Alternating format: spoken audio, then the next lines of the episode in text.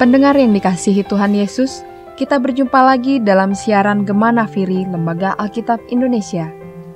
Kita akan membaca dari perjanjian baru, yakni Surat Yohanes pasal 12 ayat 44 sampai dengan 50. Surat Yohanes pasal 12 ayat 44 sampai dengan 50. Kiranya firman ini dapat menjadi berkat bagi kita semua. Demikian firman Tuhan. Tetapi Yesus berseru katanya, Barang siapa percaya kepadaku, ia bukan percaya kepadaku, tetapi kepada dia yang telah mengutus aku. Dan barang siapa melihat aku, ia melihat dia yang telah mengutus aku. Aku telah datang ke dalam dunia sebagai terang, supaya setiap orang yang percaya kepadaku jangan tinggal di dalam kegelapan. Dan jikalau seorang mendengar perkataanku tetapi tidak melakukannya, aku tidak menjadi hakimnya, sebab aku datang bukan untuk menghakimi dunia, melainkan untuk menyelamatkannya. Barang siapa menolak aku dan tidak menerima perkataanku, ia sudah ada hakimnya, yaitu firman yang telah kukatakan. Itulah yang akan menjadi hakimnya pada akhir zaman.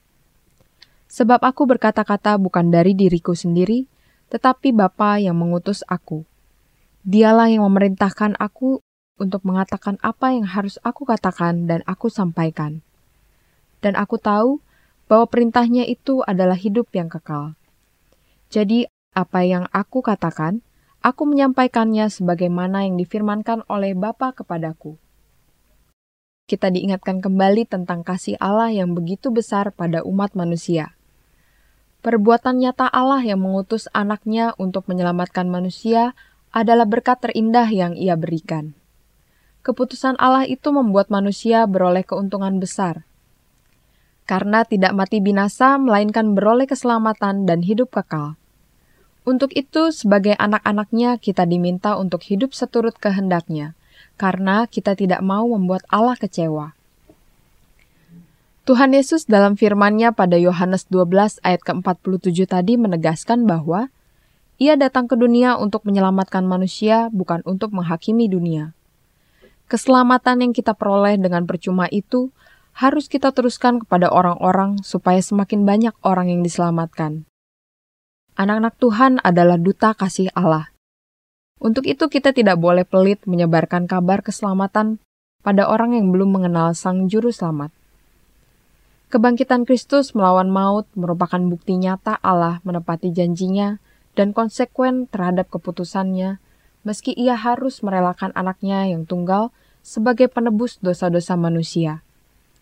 Dalam kehidupan sehari-hari, sebagai umat Allah, kita patut mengikuti teladan Allah, yakni menjadi orang-orang yang mampu mengambil keputusan dan menerima semua konsekuensi yang harus dihadapi.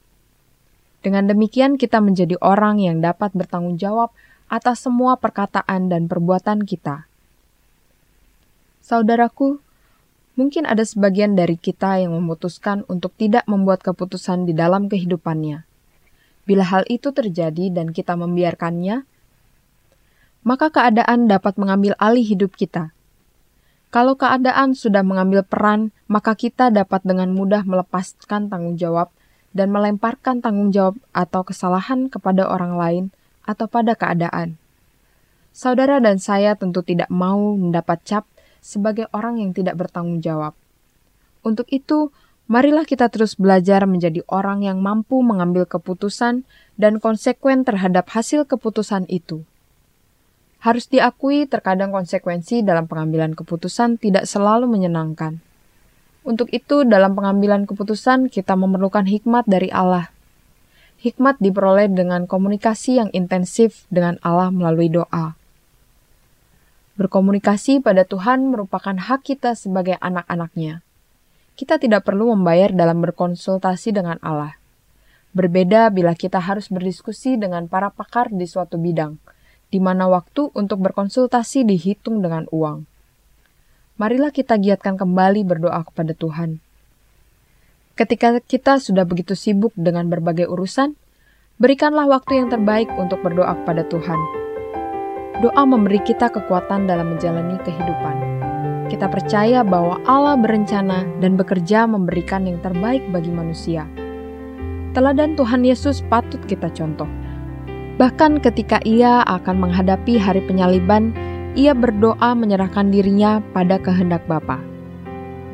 Saudara yang terkasih dalam Yesus Kristus, pada kesempatan ini mari kita mengakui semua dosa kita di hadapan Tuhan dan memperbarui hidup kita supaya di hari-hari ke depan hidup kita semakin mencerminkan kasih Tuhan. Kasih yang Tuhan Yesus ajarkan pada kita hendaklah kita praktekkan dalam kehidupan nyata, bukan hanya ucapan di bibir saja.